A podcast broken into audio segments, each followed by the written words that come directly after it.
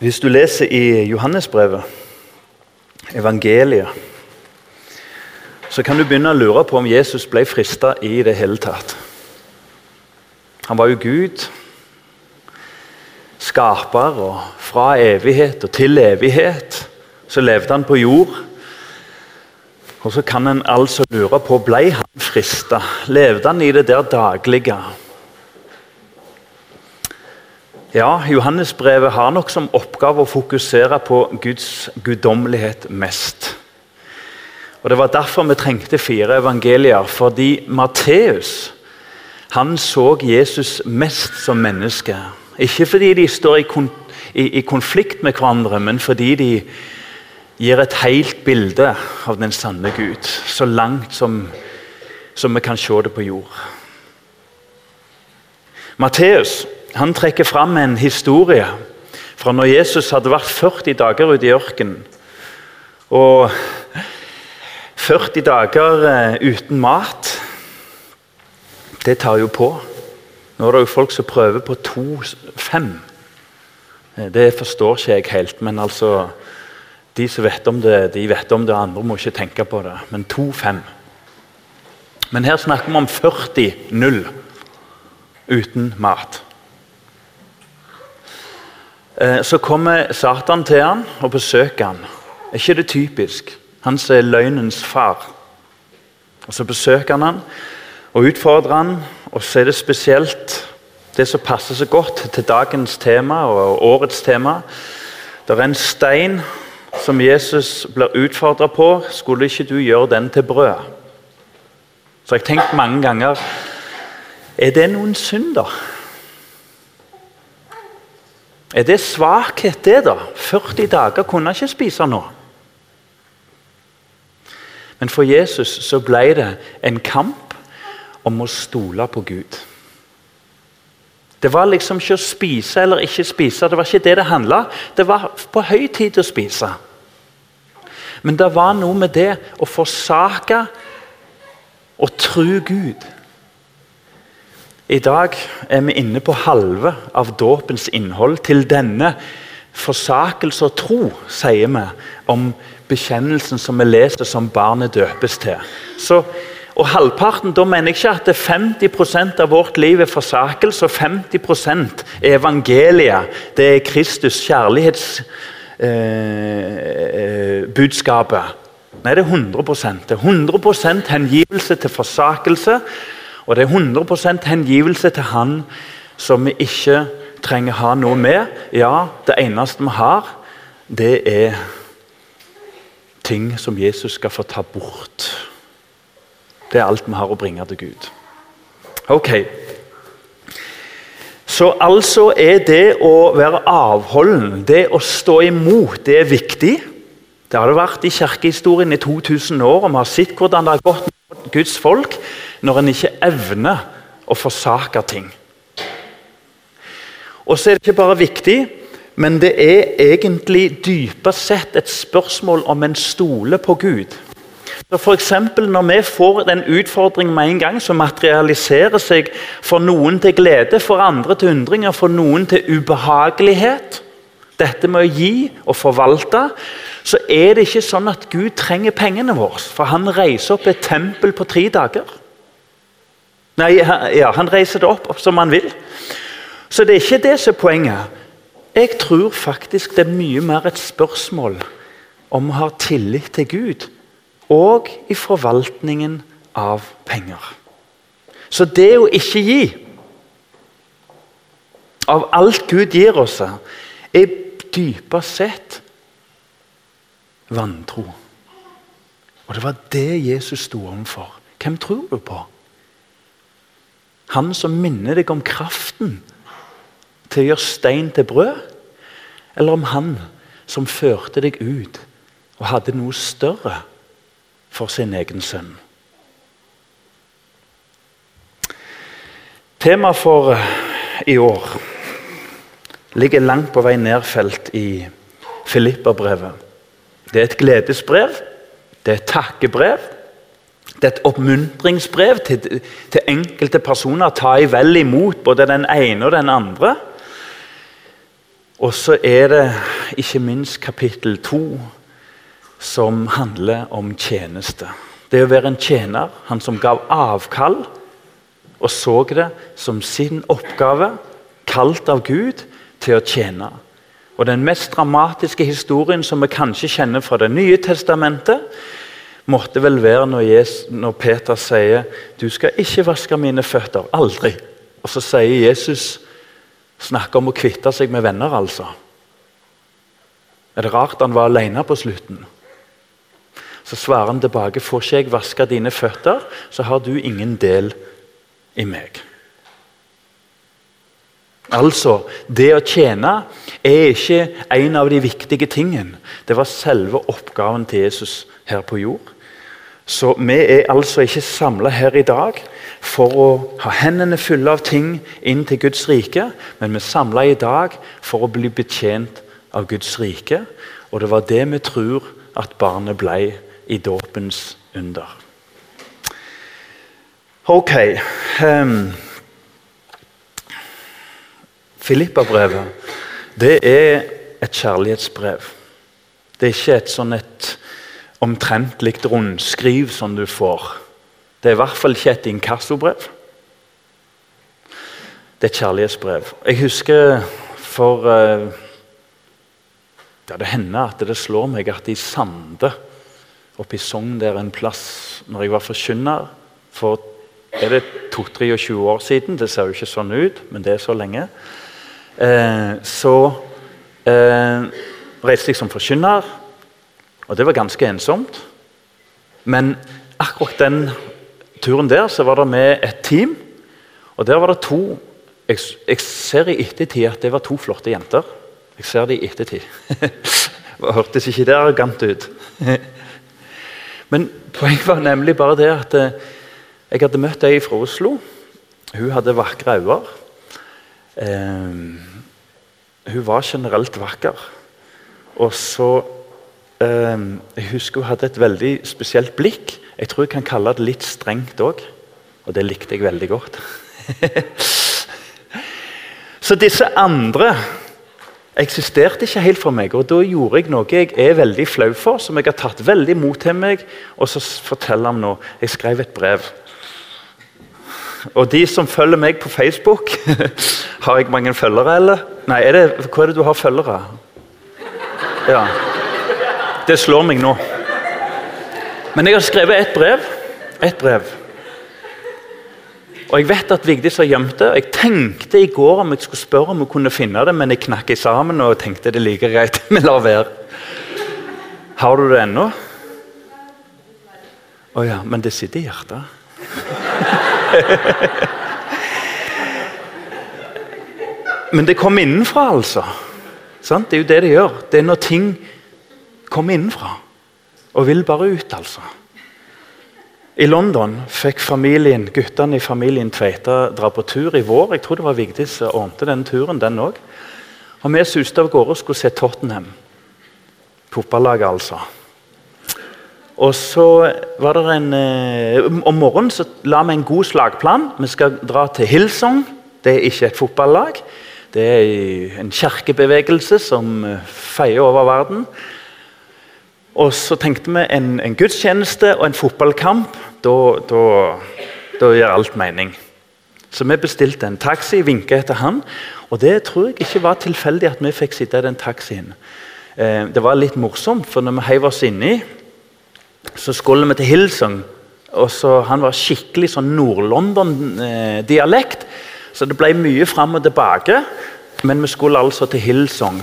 Og vi endte på en møbelbutikk som heter Hills Sons. I nabobygget faktisk så var Hillsongs Hillsong Nå hører jeg det var kanskje min feil. Men sorry. sorry. Ja. Og så i hvert fall så drog vi, eh, vinka vi på taxien, så han snudde. Og Det tror jeg òg var en styrelse, for det er jo ikke så vanlig. Han hadde jo fått betalt. Han snudde og kom tilbake, og alt ble avklart. Kjørte oss bare et bitte lite par gater på sida, og der var Hillsong. Og så gjorde jeg noe som, som, jeg ikke har for vane. Det er det at han skulle serve oss hele dagen. Har du fått sånne tilbud når taxisjåfører skal, skal være til din disposisjon? Zoom, zoom, zoom, taxier hele dagen. Sant? Og så skal han være til din disposisjon som om ikke det fantes taxi. Men jeg beit på, og vi avtalte at eh, to-tre timer etterpå skulle han hente oss. Og Vi kjørte opp for å se Tottenham ManU, dette turistlaget. Eller mange vil kalle det et flokkdyrlag. Det har mange navn. I hvert fall så eh, skjønte vi at vi må komme sammen med en spesiell kar. fordi at når vi nærmer oss stadion, så fikk vi kjøre helt igjennom alle, sånne, alle vakter slapp oss igjennom. Jeg tenkte, Hva er det som skjer nå? Er det skjult kamera? Er det noe greier? Det er ikke tull. Vi parkerte faktisk der spillerne parkerte omtrent. Og så eh, ble vi eh, Og alle vinkte til ham. Hester oppå eh, Hester, ja. Politi oppå hester. Ja, ja, da er det ikke moro lenger, altså. Politien hilste på denne karen, så jeg skjønner at dette er noe spesielt. Og Han viser oss litt rundt forbi på White Hart Lane. Vi har aldri vært der før. Og det blir 3-0 til Tottenham. På veien hjem så var det noe som kom innenfra. For han gråt og lo i én time. Det er ganske langt fra White Lane til, eh, til London eh, sentrum. Han gråt, han, han, var helt i sin egen verden. Han fikk ikke kontakt med han. Han snudde og jubla, og, og, vi prøvde, og, og men det var ingen kontakt. Euforisk. Det kom innenfra. Det kom innenfra. Hans sinn var helt i Ja. Jeg tenker litt på han som jeg nevnte sist tale, Hans Nilsen Hauge. Jeg tror ikke vi overdriver hvis vi sier at den er en av, hvert fall, hvert fall en av Norges fem mest innflytelsesrike personer. Fullt på høyde med Olav den hellige. Fullt på høyde. Du kommer ikke utenom Hans Nilsen Hauge. Tenk at den mannen der, som var den største kjendisen i Norge på sin tid, falt på kne Tårene stridrant, og han trygla mennesker om å ta imot den frelser han sjøl hadde møtt på ei mark en dag i sin ungdom. Det kom innenfra, han klarte ikke å holde det tilbake. Det var lite nøye med celebriteten som var rundt han. Han som var den store, falt på kne for alminnelige mennesker. Er det rart det gjorde inntrykk? Fordi det preste på fra innsida. Han klarte ikke å akte seg. Han brøt alle normer og regler. Det prestes han på. Kan det ha vært noe med sinnelaget? Filipperbrevet er altså ikke et upersonlig brev, et rundskriv til noen og kanskje deg. Men det er et kjærlighetsbrev, det er et takkebrev, det er et anbefalelsesbrev. Ehm, hva er Filipperbrevet? Jo, denne menigheten. Den første i Europa. Det begynte jo med at Paulus var på vei på sin andre misjonsreise. Han er på vei østover, for det hadde de tenkt. Han og Barnabas, og Så blir de ledet om, for de skal vestover. Det er en mann som vekker dem i en drøm, står over ei elv og sier 'Kom denne veien' til Filippi. Filippi var en by dannet av far til Alexander den store, Philip. Derav Filippi. Men den ble fort omgjort til en sånn romersk sete med nesten sagt egen regjering, der eh, pensjonerte generaler, oberster og soldater i den romerske hæren levde. Så Det var en veldig romerskvennlig by. Det var jo derfor Paulus eh, ble satt fri. ikke sant? For de oppdaga at han var romersk borger. Det ble litt panikk i leiren. Det tuller du ikke med. Så Det var òg en grunn til at han ble satt fri fra fengselet i Filippi. Paulus kommer til byen. Det er ingen synagoge å begynne i der. Litt sånn som jeg tror vi må innstille oss på i Norge. At det er ikke sikkert bedehus og kirke er utgangspunkt for Guds vekkelse i tida som kommer. Det kan hende vi må ned med elva, akkurat som Paulus gjorde. Satte seg med noen kvinner og Noen ble omvendt, og det ble bråk, for inntekter ble mista gjennom dette. Trollkvinner og spåkvinner osv. Og, så og Paulus ender i fengsel. Og så er det helt utrolig, fordi det, det var hans store glede. Vi som ber hovedbønnen vår, vern barna våre for fare. Og så jager Paulus dette mørke, dette lidelsesfulle. For en kontrast. I hvert fall så kom han inn der, og de synger salmer, og de priser Gud. og Det blir et jordskjelv. Og Fangevokteren og sjefen blir livredde, for de er sikre på at de har rømt. Så oppdager de de sitter bare der, for det har noe med sinnelag å gjøre. De er jo dømt. og De er jo opplært av sin mester at de skal følge, følge myndighetens lover og regler. Så der satt de, og så ble de frelst. Ikke bare frelst, men han og hele hans hus. Og der har du begynnelsen på menigheten Filippi. Jeg håper at Guds ånd får gripe deg litt i bildet av begynnelsen på Filippi. I hvert fall så vokser denne menigheten fram. Og Det blir en veldig kommunikasjon. Det er akkurat som Paulus har dette som sin støttemenighet. For Når han da skriver brevet, da, Nå sitter han jo i, i, i, et romersk fengsel. Paulus var for å si det rett ut en fengselsfugl. altså. Så han sitter jo i romersk fengsel og skriver dette brevet. Og der er liksom en helt egen fellesskap og ånd. Og vet du det? Jeg kjenner det samme når jeg får komme til fokus.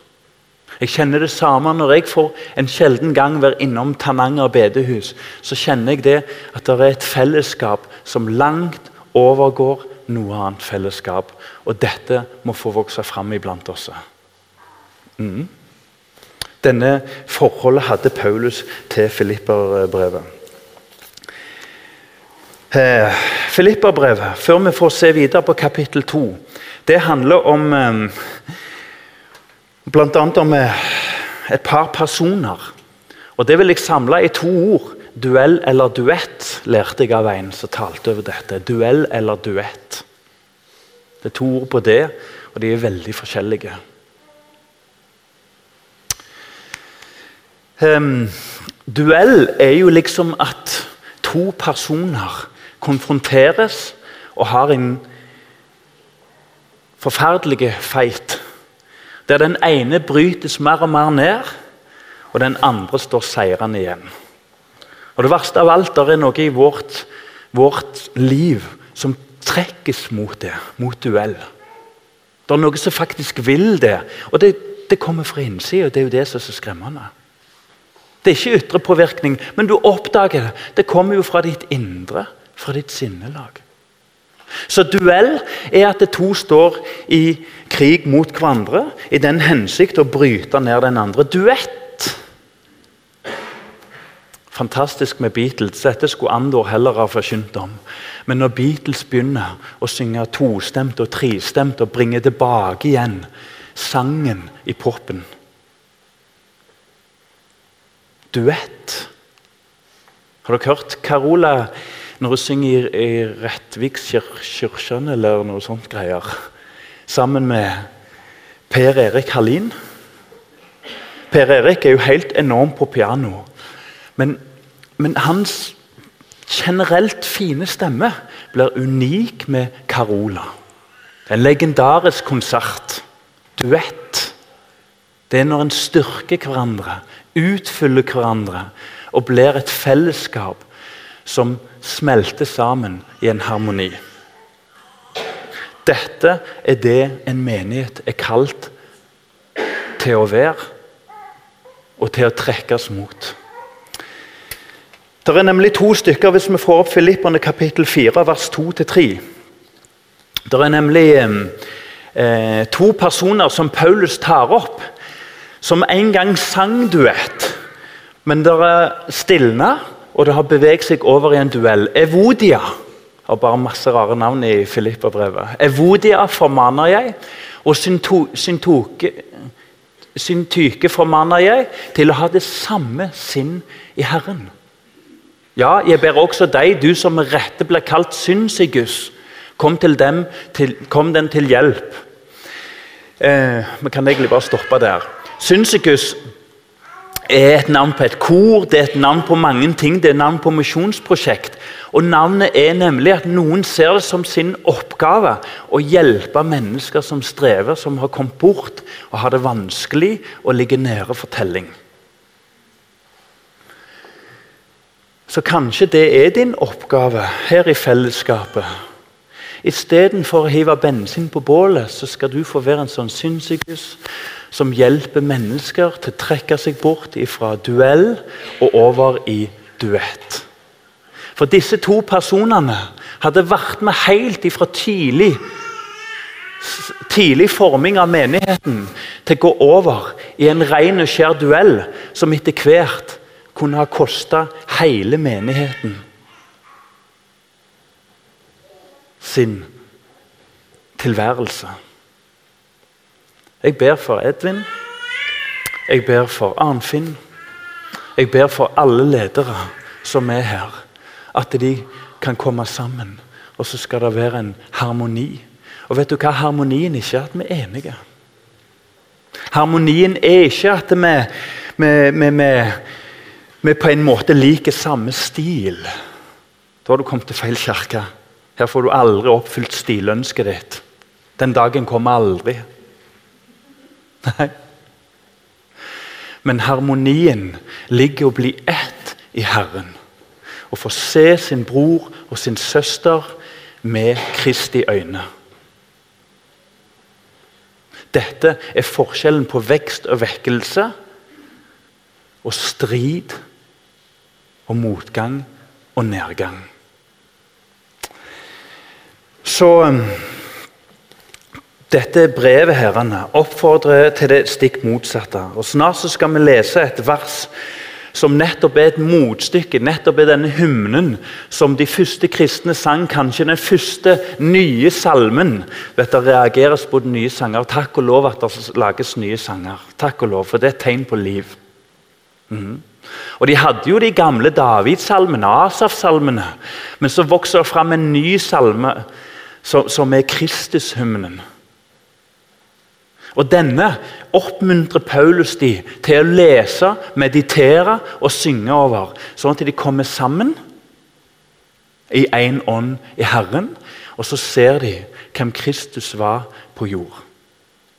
Og så etterfølger vi den ånda. Men eh, det er ikke så lett å være enige. Så dere Kjetil Rekdal? Ja, han som skårte straffe mot Brasil.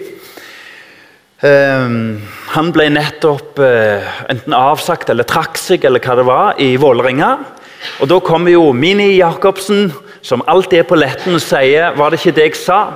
Jeg ga det ut februar, eller før februar har Rekdal slutta. Hør på meg, sier han. Uh, fotball er jo litt sånn. Det er jo litt moro òg. Kommer fra det indre, dessverre. Men tanken var liksom at det, den nye treneren som Rekdal da ansetter, kan jo aldri gå sammen med, med, med Rekdal. To sånne personligheter. Det er jo helt umulig. Så liksom, Hva er det dere forventer? Det er jo en dødfødt ansettelse, den nye treneren. Er vi der? Er vi der? Eller kan vi elske fram det nye og tenke at vi skal avta, og så skal Kristus vokse fram? Det vi er samla om i dag, det er totalt fremmed for verden. Hvis du leser i kapittel 1, så oppfordrer Paulus til en livsstil som er Kristuslik, som er ukjent for verden, sier han. Det var ei hytte. Hun er der ikke lenger, tror jeg. I hvert fall bare halvparten. Sto på Nesodden en eller annen plass, og tilfeldigvis var det 9. april. Han så muligheten. Jeg nevner 9. april som han så muligheten til når naboen var på ferie, at den hytta deler jeg i to. Fikk dere med dere den saken? Det var noe inni meg som lo litt. Grann. Det kom fra mitt indre. Det er herlig hva folk gjør. Her går grensa. Så tenkte han det markerer jeg med å sage hele annekset i to. Og Så kommer mannen hjem, han som var på ferie, og fikk mer lufting utsikt enn han sikkert hadde tenkt seg. Men vet du hva? La det der skuret eller annekset stå som et symbol på hva som skjer når menneskets stolthet og brutte personlighet får bare vokse fritt fram. Og forsakelsen, den der evnen til å tro på Gud, egentlig dypest sett Når den er borte fra Guds folk, så brytes fellesskapet vårt. Og vi kjenner det alle sammen, hvor sårbar familien vår er. La oss ikke være arrogante. La oss ikke være arrogante. Hvor sårbar familielivet vårt er. Hvor sårbart måten vi lever på, er. Jeg så på tilfeldigvis Facebook eh, en, en, liten sånn en klipp over en, to karer som satt i en robåt. Har dere sett den nå? Og så sitter han ene med årene, han andre sitter med en drill. Og Så begynner han å bore i båten, og så reagerer jo han ene. Og så sier han 'Hva er det du gjør?' 'Jeg borer et hull i båten', sier han. 'Ja, men du er gal, du må stoppe', sier han. et eller annet sånt. Og så svarer han andre, egentlig veldig betegnende for vår tidsånd. Så svarer han 'Ja, men jeg borer på min side av båten'.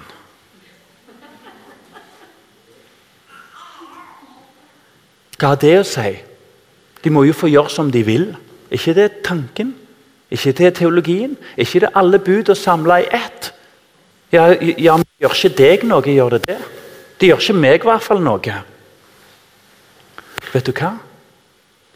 Når mennesket lever som om ingen Gud fantes, så synker ikke bare personen, men det får konsekvenser rundt oss. Og så tenker du, hvor går denne talen hen? Ja, om en liten stund vel til slutt så skal vi lese den hymnen sammen. Og så skal vi få se en veldig, veldig kontrast til, til denne livsstilen.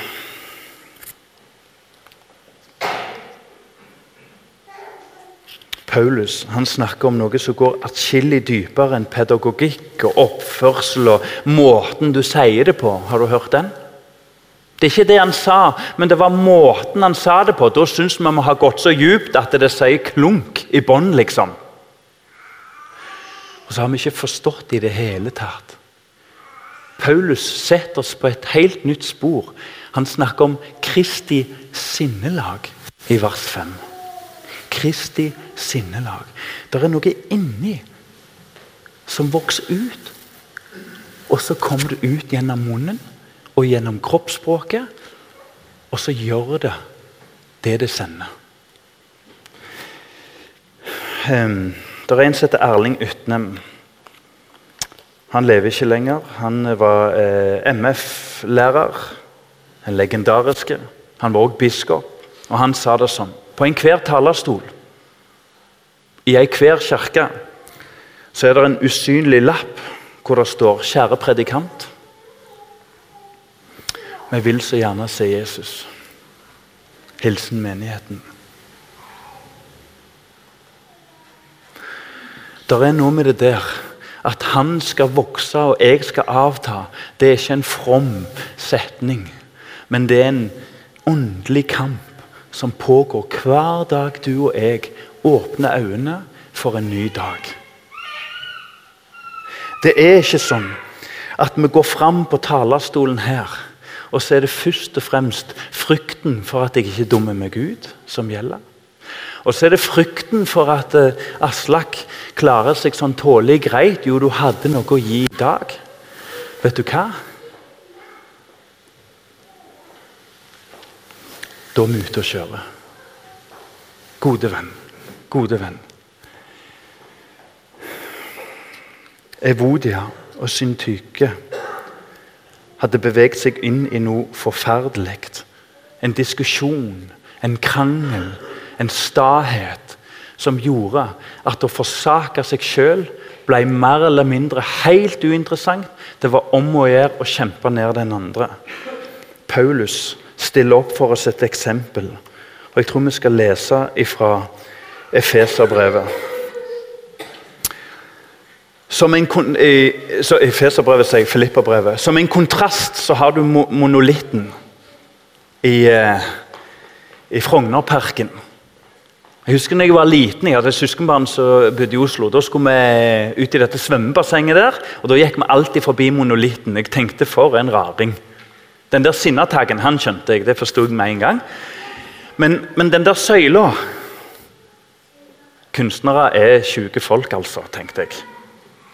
Men nå ser jeg det. Det er mennesker som ser oppover eller nedover. Alt handler om å strekke seg oppover. Det er i hvert fall sånn jeg tolker det sjøl.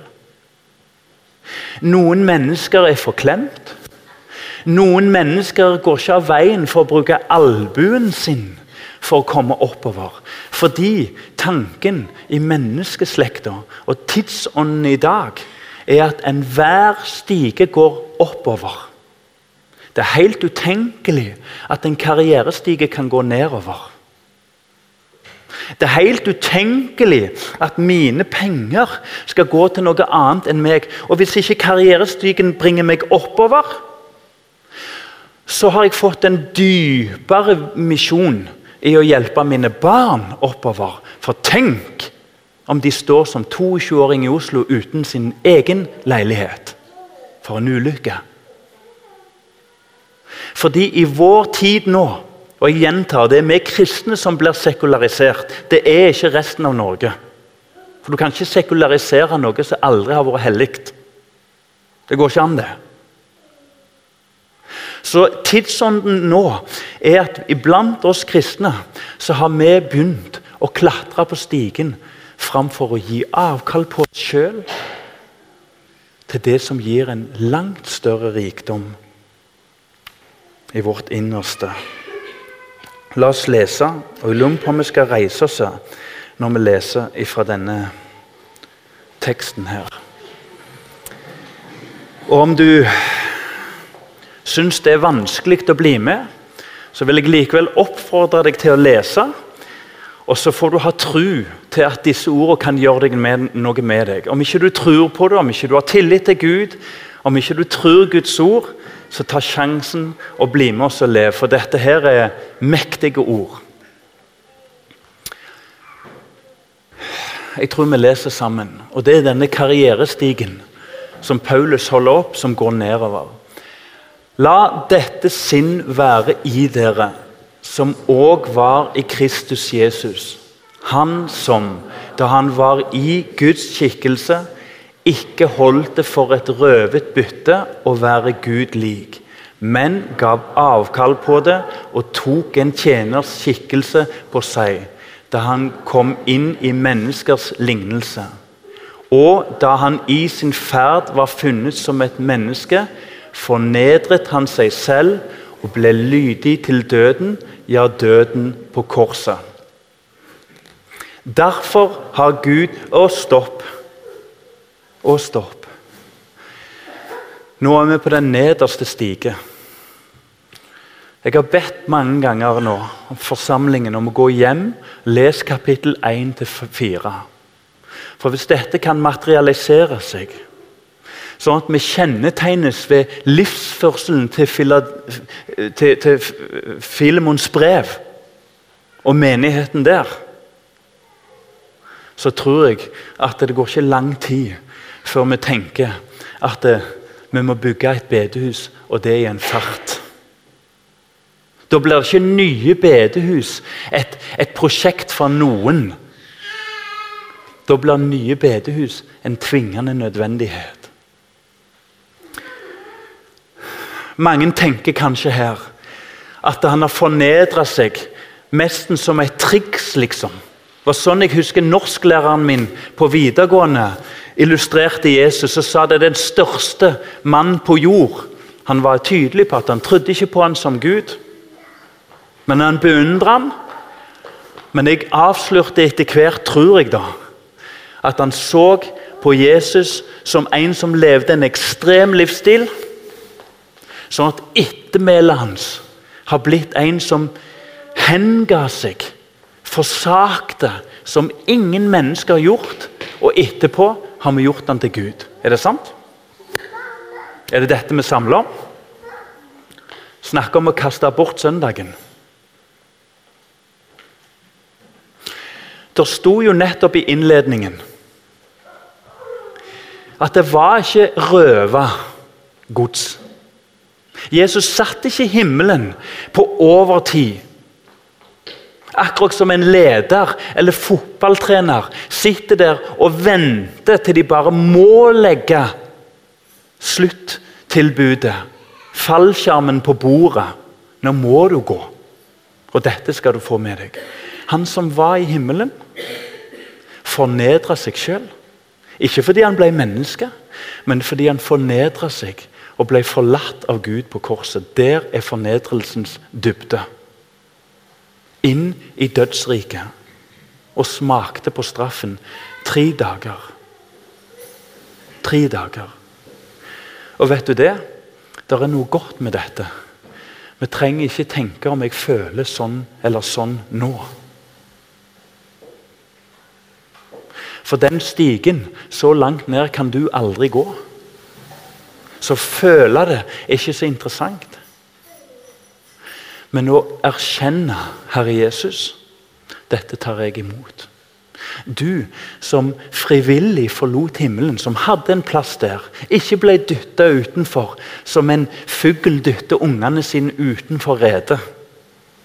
Du som frivillig steg ned på jord, levde stille, steg fram, ble pekt på Se Guds lam. Se der er Guds lam. Steig ned i dødsriket. Dypere enn det kommer du ikke. Det er ikke et spørsmål om følelser, det er et spørsmål om å ta imot det han har gjort. Skal vi lese, skal vi lese denne kontrasten som oppstår? Og så får du lese det sånn som du syns det passer seg. For det er et skifte her. Derfor har Gud høyt opphøyet ham og gitt ham det navn som er over alle navn. For at Jesu navn skal hvert kne bøye seg. Dere som er i himmelen og på jorden og under jorden.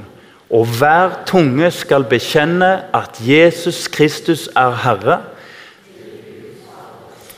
Hva var det Jesus var? At vi skulle bekjenne at han var Herre. La oss lese fra vers 11 en til gang. Og hver tunge skal bekjenne at Jesus Kristus er Herre, til Gud Faders ære. Vær så god, sitt.